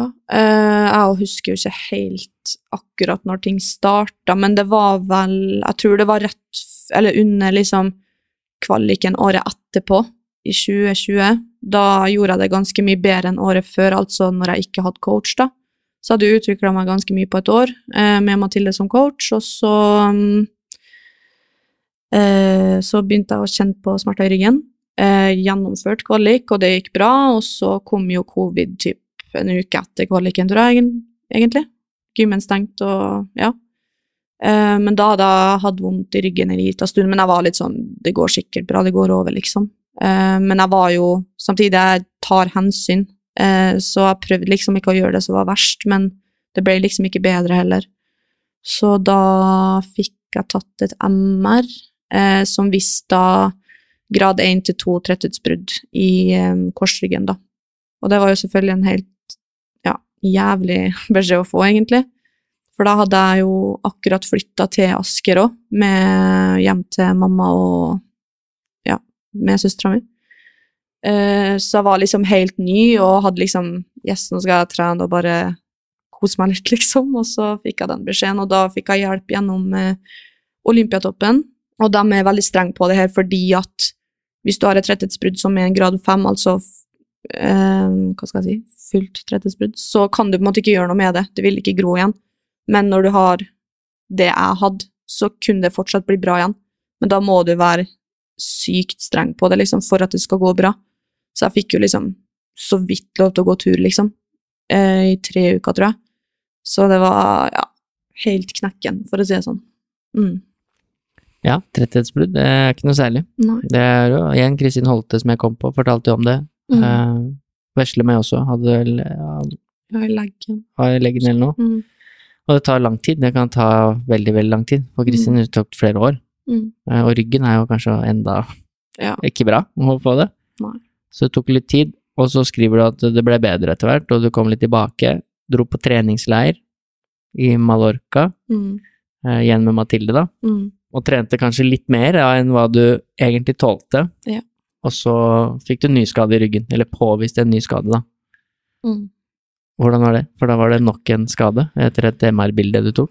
Ja, for jeg fikk jo liksom Altså, etter første MRE så fikk jeg vel beskjed om at jeg ikke liksom Jeg kom ikke til å rekke NM. Jeg trodde jo i mitt hode at vi kanskje skulle få ha NM, men det ble jo ikke det, selvfølgelig, av covid. Men jeg var jo helt knust, liksom, for at jeg ikke skulle få være med. For jeg følte at jeg liksom hadde så sykt mye forbedring fra året før, så jeg gleda meg liksom til å få utløp for det. Men eh, Så målet mitt var jo bare å bli bra til det, men det sa hun på Olympiatoppen at mest sannsynlig ikke kom til å skje. Uh, og at det var liksom Måtte ta ting veldig gradvis. Og, men så tok vi et nytt MR av at det var en såpass lav grad at i tilfelle så gjorde vi det. Og da fikk jeg jo beskjed om at det var grodd, og da var jeg jo ja, sjukt happy. Og, og det var i samme tidspunkt jeg fikk spørsmål om Mathilde da, om jeg ville bli med henne til Mallorca, for hun skulle ha semiprep der, da, så jeg ble med henne. Eh, for jeg hadde liksom program gjennom det program som vi trente med der, med tilpasning av Mathilde, da. Eh, så jeg var jo selvfølgelig veldig gira på å bli med dit. Jeg visste jo at jeg fortsatt hadde jo de samme smertene, men det hadde grodd. Så jeg skulle jo ta hensyn, og det gjorde jeg jo for så vidt, men selvfølgelig, volumet var jo veldig høyt, så det gikk jo ikke så bra til hvert. Så når jeg reiste hjem fra Mallorca etter to måneder, så skulle jeg være med på NM-veka med Yngvild eh, Frivold, og da Det skjedde egentlig ganske akutt, midt i en uh, warm-øvelse, så bare klarte ikke å bøye meg, liksom. Fikk sykt vondt. Da tok han ut MR, og det var en uh, protrusjon, da, så en start på et prolaps, egentlig. Og det trenger jo for så vidt ikke å være vondt, men uh, min var sinnssykt vond. Det var mye verre enn tretthetsbruddet, så klarte ikke å sitte mer enn i fem minutter før jeg liksom var helt ferdig. Så det var Ja, tungt. Mm. Ja.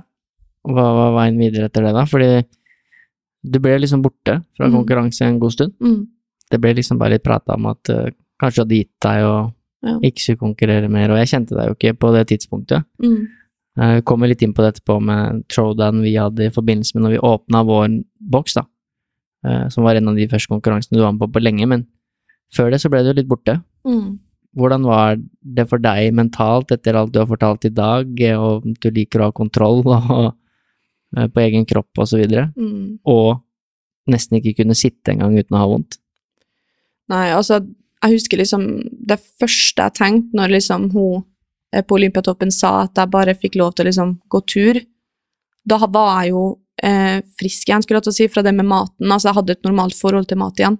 Men det første jeg tenkte, var at jeg var livredd for at det skulle komme tilbake, fordi at jeg er vant til å være i aktivitet hele tida, så jeg trenger på en måte ikke å tenke så mye på det. Men når du plutselig går fra et høyt aktivitetsvolum til å kunne gå en tur, på en måte, så blir jo selvfølgelig det noe man tenker på. Så jeg var dritredd for å liksom få det problemet på nytt, egentlig. Så det var det første jeg tenkte på. Um, og så var det jo liksom det at sånn Oi, hva skal jeg gjøre når jeg ikke kan trene så mye, og hvem er jeg uten treninga, på en måte? For det har liksom alltid vært meg.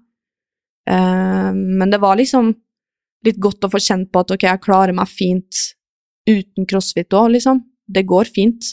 Men selvfølgelig, jeg savna det jo veldig, men det var liksom litt digg å få kjent på hvem jeg er uten det òg.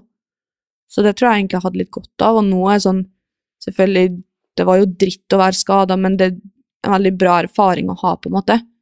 Eh, og det å sette pris på å være skadefri og faktisk kunne ja, sitte i en bil uten å få dritvondt, liksom. For det påvirka jo Da var det egentlig ikke treninga for min del som var problemet, det var liksom bare at hele livet mitt Det var smerte uansett hva jeg gjorde, på en måte, og hadde jeg hatt den skaden som jeg har nå, så hadde jeg ikke kunnet studert det jeg gjør engang. Jeg hadde ikke klart det, på en måte, for det var så vondt. Eh, så jeg er sykt takknemlig for at liksom jeg er bra igjen, på alle plan, liksom, når det gjelder skole og trening og alt. Mm, Ja, ryggen påvirker deg mye hvis den ikke Ja. funker. veldig. Det er ikke så mye du får gjort. Nei. Eh, Men det, litt, det mest interessante jeg fant fra det du sa der, er jo at eh, du syns det var deilig å kjenne litt på hvem du var uten crossfit. Mm. Så mitt spørsmål er da, hvem er Synne uten crossfit? Nei, altså Hva skal jeg si? Jeg vet ikke om du vil jeg skal si hva jeg liker å finne på, liksom, men det var liksom bare det at jeg kjente at det gikk bra å ikke være på trening fire-fem timer, liksom, Mm. om dagen. Det, jeg klarte meg uten det. Jeg hadde andre ting jeg kunne gjøre, og jeg trivdes liksom i eget selskap og fikk mer tid med familie og venner, og liksom Ja, at det gikk bra, det òg. Så du, du fikk en positiv opplevelse, egentlig, med å være skada? Mm. På det planet, da. Person, litt, kanskje litt mer personlig plan? Mm. At på en måte treninga ble litt mer det det starta med, altså det sosiale, og at det bare var liksom gøy å At jeg liker å bevege meg. Jeg syns det er gøy å trene. Eh, og da ble det på en måte bare det igjen, enn at det bare var liksom fokus på at jeg skulle prestere, for det er jo tungt over tid, det òg, alltid ha det prestasjonsfokuset. Så det var litt godt å få en pause fra det, på en måte, å kunne ta litt covid-økter her og der og trene på en tuftepark og liksom ta litt teamøkter med venner og ja. Slippe å bli så nervøs? Ja, det var det, da. Ja. Mm. Det skjønner jeg godt. Og så er det nok sunt, som du sier òg, og ikke nødvendigvis at man skal trenge å få en skade, men ofte er jo det et utfall av en skade, at ok, da må du se til andre ting, da. Mm. Og som du sa i stad, du er god under press, og det er vi mennesker. Litt sånn vi er, Mm. skapt egentlig, tror jeg, da. Mm. At uh, når du liksom har ryggen mot veggen, så du må ta et valg, da. Da må du liksom tilpasse deg, Mm. og det virker jo som du gjorde i den perioden. Ja. Og det er jo positivt også, å se at det liksom, jeg overlever uten crossfit. Mm. Men så valgte du å gå tilbake igjen. Ja. Og nå har du jo veldig høye mål, som vi skal prate om litt nå etter hvert på slutten. Ja. Uh, og da er du tilbake med prestasjonsfokus og nervøsitet og alle disse tingene her. Mm. Men tror du du har tatt med deg noe? Tenker du nå over det, at du har tatt med deg noe konkret fra den perioden der? Om at ja, hvis jeg blir skada, for eksempel, da, så går det greit. Eh, eller hvis det skjer et eller annet, så, så vet jeg at jeg kan jo fortsatt gå i Tufteparken og trene, eller ha venner, eller ja, jeg gjør jo for så vidt det, men nå er jeg på et stadie hvor jeg trives så sykt med treninga. Jeg føler ting går så sjukt bra, og jeg liksom eh, Ja, det med teamet, da. Jeg trives så sykt med det. Jeg syns det er gøy, og jeg føler at jeg blir bedre på ting jeg trenger å jobbe med. Mm. Så akkurat nå så hadde det vært sykt kjipt om jeg skulle ha fått den skaden igjen. Ja, selvfølgelig, det er det jo. uansett. Så ja, så er jo liksom absolutt ikke noe jeg kunne tenkt meg nå, for jeg elsker jo å drive med crossfit på høyt nivå, liksom. Så Mm. jeg vil jo selvfølgelig heller ha det enn å ikke ha det, men det gikk liksom greit ut nå. Ja, er du gæren. Det er aldri noe gøy å være skada. Men eh, fint å ha en stor plattform å stå på, som du sier. At Mm. hvis det skjer noe, så håndterer jeg det òg. Mm. Eller skal jeg takle det, liksom. Mm. Eh, så du kan sikkert bruke noen av de samme mekanismene også inn mot hvis det går dårlig i en konkurranse. Mm. Så går det bra, det òg. Mm. Da kommer det en ny konkurranse snart. Du Ja. får nytt forsøk der. Ja. Men det er litt sånn vi er, kanskje. Vi må gjennom litt ting før vi lærer. Vi må oppleve det selv. Ja. Kjenne det på kroppen, liksom. Mm. for hvordan det er. Og så lærer vi som regel gjennom det, da. Ja. Men så kom det jo tilbake igjen etter hvert. Nå, da hadde jo to ryggskader. Mm. Ja, Begge to tok tid. Mm. Begge to var såpass vonde at det var vondt bare å sitte. Mm. Eh, og gå turer var det du kunne gjøre, liksom. Mm. Eh, og så i fjor, det er jo ikke mer enn et år siden. Det begynner vel å bli snart akkurat et år siden. Det er ikke så lenge siden. Nei. Så skulle vi åpne en CrossFit-boks i Asker, lensmannslia, og så trengte vi litt utøvere. Eh, og vi fikk med mange, og så trengte vi noen ekstra jenter. Og så husker jeg ikke hvem det var som sa det, men jeg husker ikke hvem. Men det var noen som sa ja, men søsteren til eh, Vilde, hun er jo god i CrossFit, kan du ikke spørre henne? Mm. Og så var det noen som nei, hun har slutta å konkurrere, og hun driver ikke med det lenger, og Ja. da var jeg veldig liksom sånn, men vi trenger folk. Ja. Så jeg kjente jo ikke deg da. Eh, Så jeg sa, men kan ikke Ville, kan du ikke spørre søsteren din, bare Bare hør med henne, om hun har- kunne tenke seg å være med, da. Mm. Bare sånn just in case. Det er en liten konkurranse og bare gøy. Og så ble det jo med. Ja. Du var jo litt usikker der òg, Eh, var litt- ja. fram og tilbake, husker jeg. Ja. Eh, Men så sa du ja til slutt, da. Mm. Eh, Og da tror jeg Ole Knutsen, som han jobber i Play, Mm. som sa bare 'hæ, skal Synne være med?' Så jeg bare 'ja, hun skal være med'. Han bare 'hun har ikke konkurrert på lenge'. Mm. Så sa jeg 'nei, det vet jeg ikke, men hun skal være med i hvert fall'. Da husker jeg han sa at hun er dritgod, hun kommer til å vinne den konkurransen der. Og så sa jeg 'det kan godt hende, hun skal i hvert fall være med', da. Ja. Og det gikk jo ganske bra, det. Det gjorde det. Det ble vel tredjeplass, tror jeg. Mm. Mm. Det var din venninne Ane som vant. Oh yes. Det var bra. Det var mange gode med der, men i hvert fall da, poenget mitt var at det var din første konkurranse på ganske lenge. Ja. Så kan du fortelle noe om den fra du ble spurt, og litt hvordan det var da å være med på konkurranse igjen og sånne ting, for du la jo ut litt ting på Instagram og sånn etterpå, husker jeg. Mm. Um, åh, det er litt sånn rart å tenke tilbake på nå. Det føles så lenge siden ut, liksom. Men uh, Det er bare elleve måneder. ja, det er jo det. Men eh, nei, jeg var jo som vanlig dritnervøs, da. Men sikkert litt ekstra fordi liksom, det var så lenge siden sist. Um, så jeg var så usikker på liksom hvordan kroppen skulle respondere og sånn, og det merka jeg jo. Det var sånn Jeg tror vi hadde økt med hva da, 30 pistols eller noe totalt, men lårene mine klikka jo helt etterpå, så jeg måtte jo rette opp litt Sondre og få litt behandling mellom der, for det, kroppen var liksom ikke vant til det.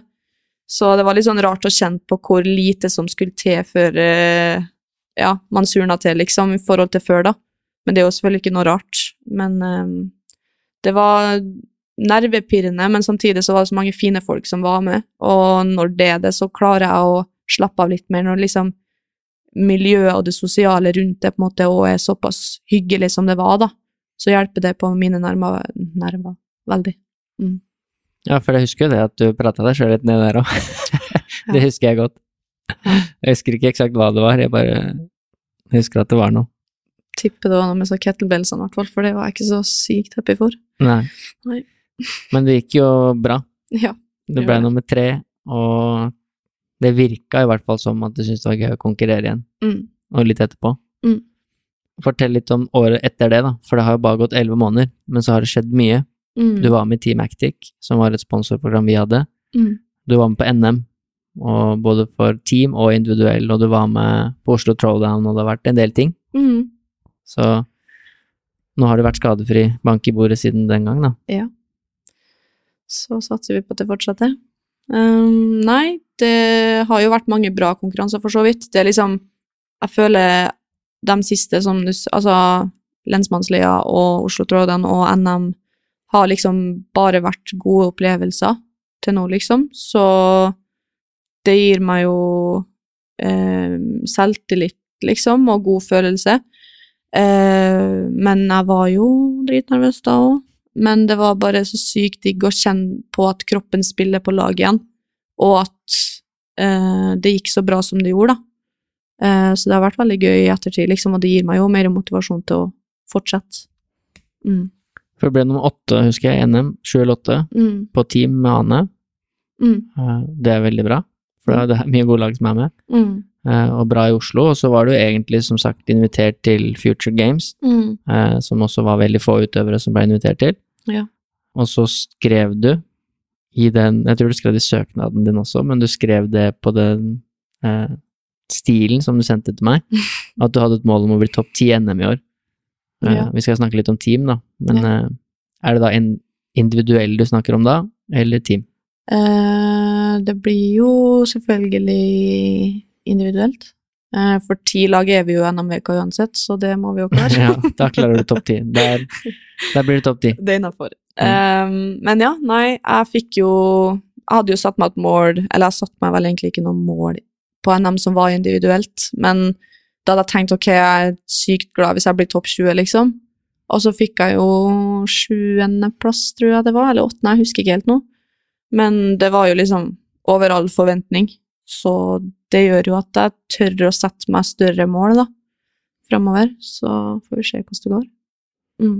Du fikk en andreplass på Sandvika, Battle of Sandvika òg, Ja. det husker jeg. Mm. Og de som vant, er gode. Mm. Altså vår har vært, hatt en veldig god, et godt konkurranseår, hun òg. ja. Så det har vært noen gode resultater, så jeg lurer på når du skal liksom begynne å tenke at eh, At ikke det bare er sånn Oi, det gikk bra igjen. Blir like overraska hver gang. Ja. Og tenk hvor rå du blir når du har en litt annen innstilling for konkurranse. Da tror jeg det Mm. blir skummelt å konkurrere mot deg. Ja. Du fortalte meg, for når du nevnte vår, så fortalte du meg, vi snakka om det, tror det var på den samtalen eh, som vi hadde før podden, Mm.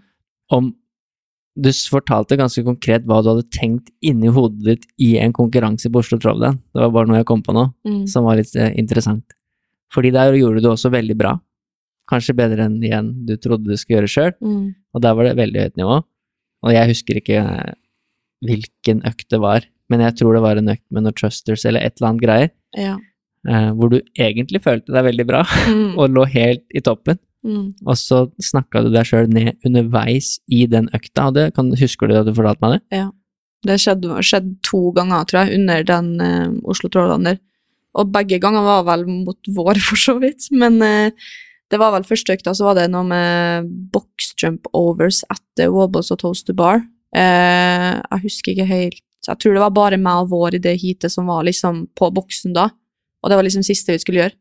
Men så tenker jeg bare at ja, ja, men vår hopper så mye raskere enn meg, så jeg kan bare chille litt, liksom, og bare At jeg er litt flink til å undervurdere meg sjøl, og så liksom tenke at ja, men jeg klarer jo ikke å gjøre det så fort som hun, så det er jo ikke vits å prøve engang, på en måte. Og det er jo bare en dritteit tanke, og det vet jeg jo, igjen, men liksom Det er en greie jeg kan finne på å gjøre, da. Sånn som på Trustersen der, og etter ring muscle-up-økta, som jeg trodde absolutt ikke skulle gå, for ring muscle-up er jo liksom det jeg jobber mest med nå. Men det gikk jo veldig mye bedre enn forventa. Ble sykt fornøyd med det. Så jeg var liksom Når jeg kom meg gjennom ringene der, så var jeg sånn ok, nå bryr jeg meg nesten ikke hvordan det går altså etter det her, for det, liksom, det var så sykt stort for meg å komme meg gjennom det på en såpass bra måte når det er liksom det jeg sliter mest med.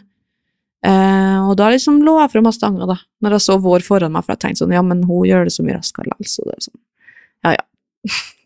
Det er litt uh, fascinerende at Ja. eh, styggen på ryggen kan komme faktisk i en øvelse, Mm. og at du rekker å reflektere rundt det etterpå også. Ja. Eh, Hva gjør du når det skjer? Ja, du la jo fra deg stanga, da. Så det, var, det er dumt. ja, det var litt dumt. Ja. Fordi du så jo ut som du hadde litt å gå på der, egentlig, sånn fysisk. det er liksom det målet jeg har satt meg nå framover, og på en måte det jeg vil jobbe med. At jeg liksom, jeg skal ikke settle for less, liksom. Jeg vet at jeg kan like mye som alle andre, så jeg må bare prøve å huske på det når jeg er ute på gulvet, liksom, og ikke gi meg for at jeg tenker at noen andre kommer til å gjøre det bedre uansett, og at det ikke er vits å prøve. Så det er liksom det jeg har bestemt meg for, at skal ikke fortsette sånn, fordi det er bare unødvendig. Mm. Mm. Og nå har du sagt litt om det, men hvordan har du tenkt å jobbe med det, da? Um, nei, altså bare det å være Ha selvinnsikt på det og være klar over det sjøl, føler jeg har mye å si. Uh, og liksom jeg tenk, Før så tenkte jeg på en måte ikke over når jeg snakka meg sjøl ned. Det var bare en sånn naturlig greie. Men nå merker jeg det veldig godt når jeg gjør det, og jeg stopper meg sjøl, liksom, for jeg vet at ok, det her er sykt unødvendig å holde på med, liksom. Um, så det er vel det, at jeg liksom er klar over det og virkelig går inn for å prøve å gjøre noe med det, da. Og ja, skal få litt hjelp av hun Veronica, da, blant annet. Mm. Mm, Så det å prate med noen er også en eh, Ja. ting du har tenkt på. mm, Det tror jeg er lurt. mm. Og det er ikke et nederlag. Det er bare veldig smart. Ja. Og nå er det jo sånn at den beste crossfit-utøveren vi har hatt i Norge gjennom de siste ti årene, brukte mentaltrener hver uke hele karrieren. Mm, Så det, det bør liksom ikke være noe som er rart å gjøre. Nei. Det er bare smart. Ja. Mm. Fordi det, der hadde jo et sånt uh, mentalt verktøy vært litt kjekt å ha akkurat i den trusteren, mm, som kanskje du kunne brukt, da. mm. Så nei, jeg setter faen ikke ned stanga nå, Ja. istedenfor bare nei, det er ikke noe vits. Nei, det er akkurat det. Det er bare kanskje et lite verktøy som Ja. hadde da gjort at du kanskje hadde vunnet den økta der. Mm, I hvert fall ikke satt den ned. Men du er på vei, Jeg er på vei. så du har et mål om topp ti NM. Mm. Det, det syns jeg er Det er greit, men du ble nummer syv i fjor. Ja. så jeg setter målet ditt i topp fem, jeg, Synne. okay. Jeg setter det for deg. Men du kan ikke ha dårligere enn i fjor. Du må Nei, vi se, oppover. Du må i hvert fall være topp syv, da. Ja. For du veit at du allerede klarer det. Mm. Men det vet man jo, de andre utvikler seg jo, de òg. Ja. Men uansett, da, du har valgt å gå team, Mm. og det tenkte jeg vi skulle prate litt om. Mm. For det er det mange som har gjort nå. Det Ja. er sinnssykt mye lag fra Norge, eh, og mange gode lag. Eh, Veslemøy var med for, eh, for et par uker siden, hun skulle på team, og Ane, som du skal på team har jo også vært med i poden. Mm. Så det er mange som velger å gå den veien. Ja. Hva er grunnen til at du har valgt det? Og så snakker vi litt mer om målsetningene deres og hvem som er på team og sånn etterpå. Mm. Eh, nei, det starta vel med at Simen sendte rundt melding til dem han tenkte kunne være aktuell til å være still team i år, liksom. Uh, og så skulle han sette sammen lagene. Uh, og jeg ble jo selvfølgelig Jeg ble sykt overraska over å få meldinga, jeg syntes det var dritgøy.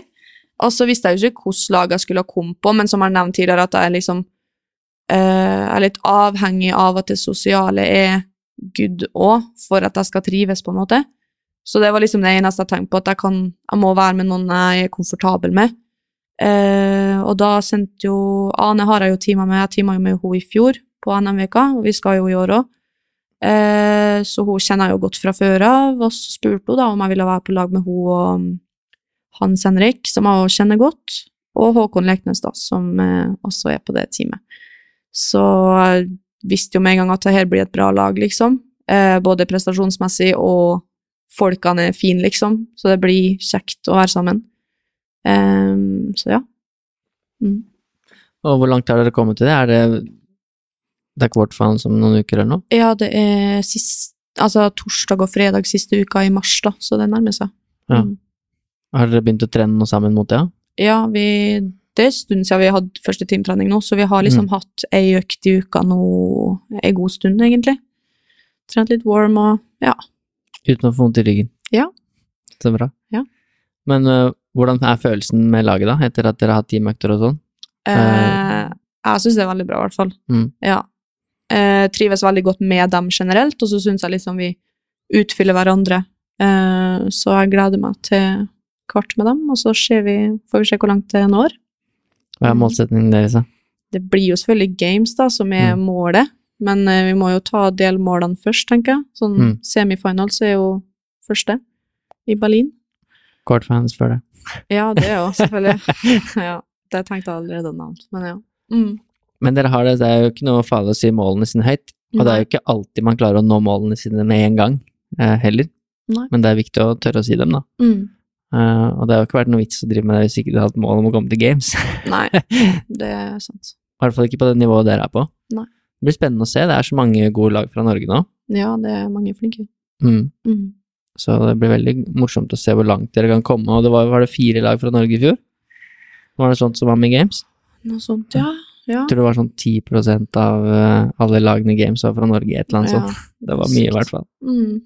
Og det kan jo bli enda flere i år, nå som flere velger å gjøre det. Ja. Hvordan tror du det er for deg som individuell utøver å gå team? Det spurte jeg Vesle mye om også. Hvordan det påvirker deg som individuell utøver å være på lag med fire og legge fokuset der? Jeg vet ikke helt hva jeg skal svare på det, egentlig. Jeg føler liksom ikke det påvirker meg så veldig. Jeg trener jo som normalt, som jeg alltid har gjort, på mine svakheter, i tillegg til at vi har liksom team. Og det er på en måte bare Jeg syns det er gøy, for jeg trener mye alene på Sandvika, liksom. For det er det som er nærmest meg når jeg jobber der, så er det der jeg drar. Så bare det å komme inn til CFO og få liksom vært litt med andre, er jo bare eh, hyggelig for min del, og en god push. Så jeg trives veldig godt med det.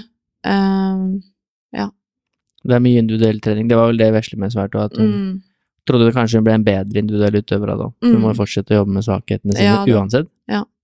Uh, og så er det jo I tillegg er du på lag med noen, så da vil du kanskje i hvert fall ikke eh, måtte være det svake leddet. Så ja, kanskje jo legger man inn enda litt mer.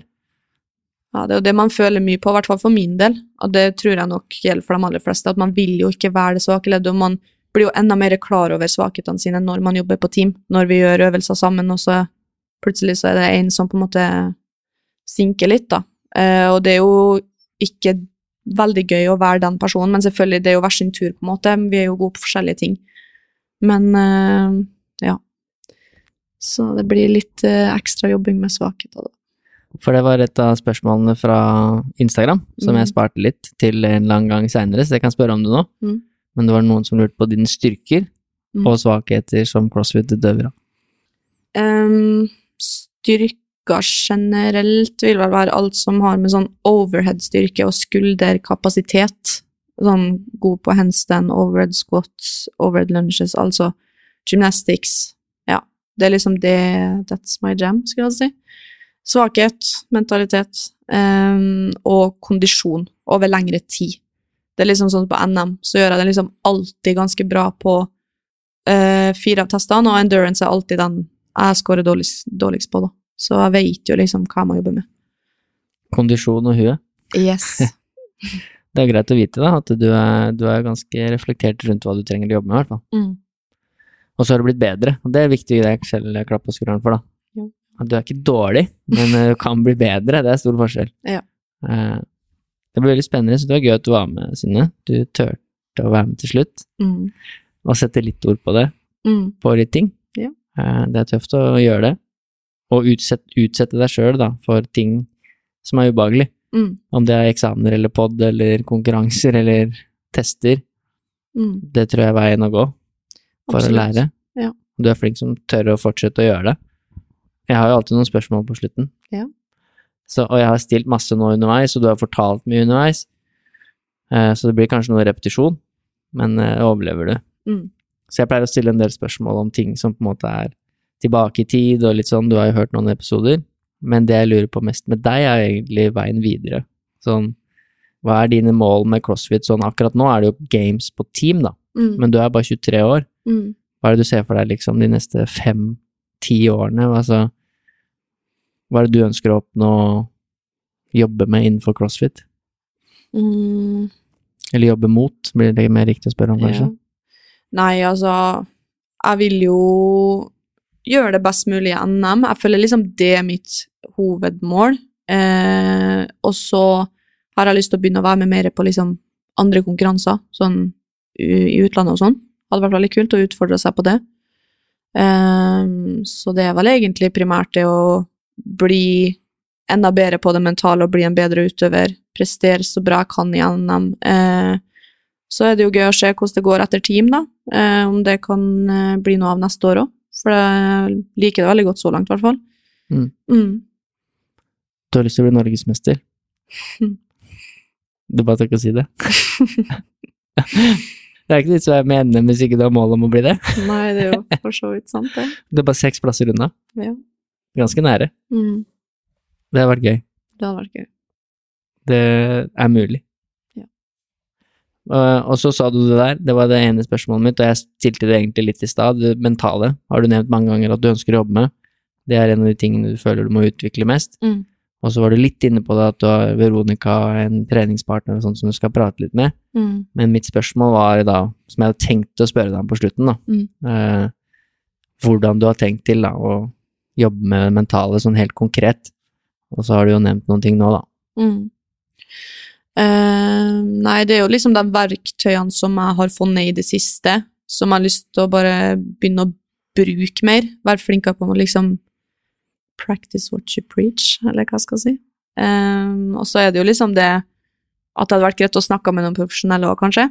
Bare få fingeren ut av rumpa litt, og gjøre det. Du nevnte jo, når vi snakka på Ektik, om folk du har prata med som er flinke, så tenkte jo å få tips fra deg òg, da. Fins mange som er flinke.